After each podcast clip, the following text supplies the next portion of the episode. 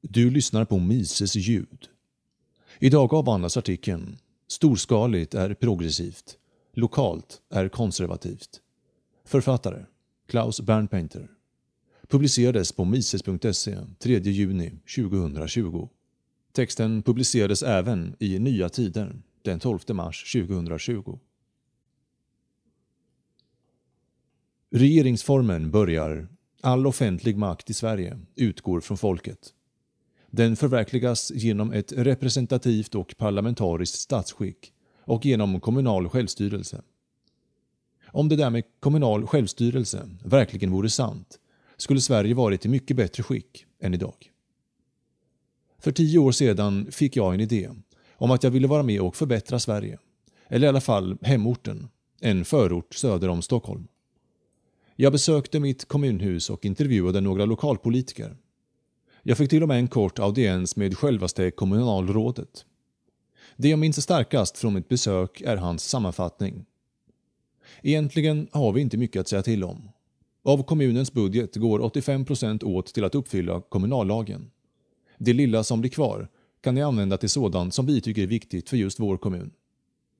Det är nog riskfritt att gissa att idag går mer än 85% till att uppfylla inte bara kommunallagen utan alla nya pålagor från centralmakten som tillkommit sedan dess. Mycken kommunal dårskap skulle aldrig inträffa om vi verkligen hade haft kommunalt självstyre. Man kan i förstående tro att om makt flyttas från centralmakten till kommunerna skulle saker och ting bli ännu värre med tanke på bildningsnivån hos den genomsnittliga kommunpolitiken. Men dåliga politiska beslut är inte huvudsakligen en konsekvens av undermålig bildning och nedsatt förmåga till konsekvenstänkande, utan i större grad en följd av brist på ansvarighet. Med självstyre i liten skala följer mycket ansvarighet. Om ett politiskt beslut får gott resultat vet man vem som äras bör och omvänt. Om det blir dåliga konsekvenser vet man vem som är skyldig och var hans brevlåda bor. Man kan säga att lokalt självstyre är överlägset på grund av brevlådeprincipen. Man kan också säga att det fungerar på grund av den sociala och ekonomiska återkopplingen som blir starkare ju mindre den politiska enheten är. Med småskalighet får man automatiskt tjänstemannaansvar, helt utan komplicerade regelverk. Dessutom blir återkopplingen snabbare i mindre enheter. Man märker fort om ett beslut är dåligt och kan avbryta innan allt för stor skada är skedd.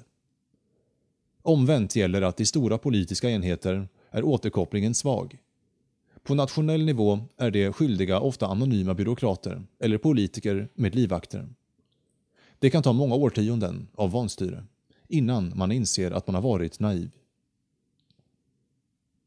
Den stora invandringsvågen hade aldrig sköljt över Sverige om vi hade haft kommunalt självstyre. Det hela började ju med att många kommuner hade förlustbringande fastighetsbolag med tomma lägenheter i de socialdemokratiska miljonprojekten som folk inte ville bo i. Centralmakten erbjöd kommunerna statliga pengar för att ta emot invandrare. Med varje invandrare följde två års bidrag. För kommunpolitikerna blev det snabba cash som fyllde omedelbara ekonomiska hål. I deras värld trodde man att efter två år blir en främling svensk och självförsörjande. Eller så räknar man med att några år senare ändå ha lämnat uppdraget till någon annan.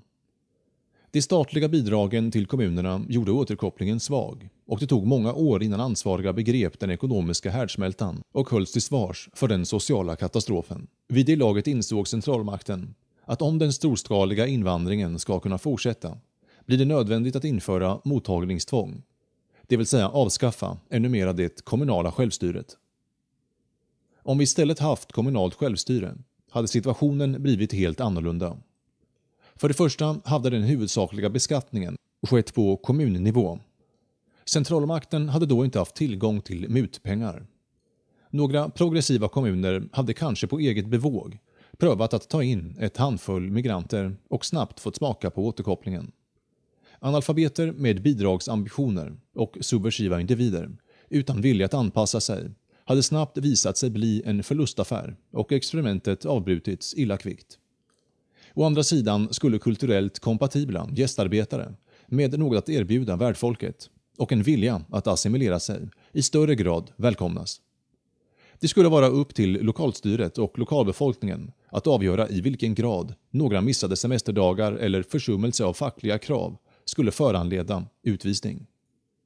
En gång i tiden bestod Sverige av nästan 3000 socknar.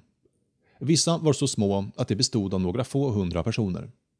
Ett sockensråd, som i en sådan socken skulle försöka sig på att höja skatten för att bjuda in främlingar som tappat bort sina ID-handlingar och betala deras mat, husrum, sjukvård och skola, skulle sannolikt stöta på en del motstånd. Vanliga argument emot små politiska enheter är att de inte skulle ha råd att finansiera sin verksamhet.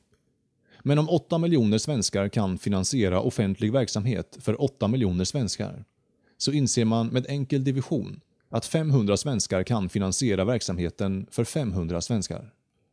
Det finns inga stordriftsfördelar hos stora enheter som inte kan uppnås genom frivilligt samarbete mellan små enheter. Men när centralmakten via kommunallag och andra direktiv föreskriver att kommuner ska tillhandahålla vissa tjänster och byråkratiska befattningar, oavsett lokala omständigheter, blir det särskilt dyrt för små kommuner. Det kommer driva fram ett samarbete mellan kommuner så att man till exempel delar på en obligatorisk genussamordnare ju hårdare centralstyrning, desto mindre självstyre och desto mer samarbete tvingas fram. Med tiden kan man hävda att samarbetande kommuner måste slås samman på grund av rationaliseringsbehov. Behov som uppstått enbart på grund av ökat centralstyre. Genom åren har ett antal kommunreformer genomförts och slagit samman de nästan 3000 socknarna till färre än 300 kommuner, alltid med hänvisning till rationalisering. Proportionellt med kommunernas tilltagande storlek har återkopplingen försvagats samtidigt som vanstyret och naiviteten tilltagit. Sammanslagningar av små kommuner till större kommuner och landsting till större regioner är en ständigt aktuell fråga. Men dessa krav på sammanslagningar är alltså en konsekvens av allt hårdare centralstyrning och mindre lokalt självbestämmande. Samma tendens till större och större enheter kan man se inom alla verksamheter där centralstyrningen hårdnar. Polismyndigheten är ett aktuellt exempel. År 1998 rationaliserades polisen till 21 polisdistrikt, motsvarande de 21 länen. År 2015 genomfördes en rationalisering och polisen slog samman i sju polisregioner. Att kvaliteten i polisarbetet skulle falla kunde man med dessa insikter lätt förutspå. Varje gång offentlig verksamhet rationaliseras genom att bilda större enheter blir återkopplingen och ansvarigheten svagare. Vad resultatet kommer att bli av den ständigt pågående flytten av mer och mer politisk makt till överstatliga politiska enheter som EU och FN är likaledes lätt att förutspå. Istället för fredsprojekt kommer det att bli en källa till nya och större konflikter. En viktig del av att reparera Sverige måste vara att återföra väldigt mycket politisk makt från centralmakten till kommunerna. Dessutom behöver man bryta upp de onaturligt stora kommunerna i mindre kommuner.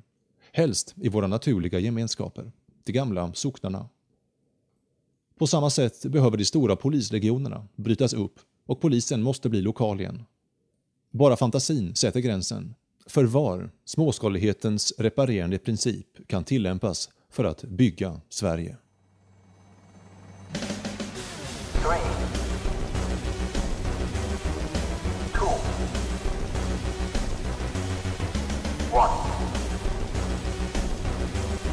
Last,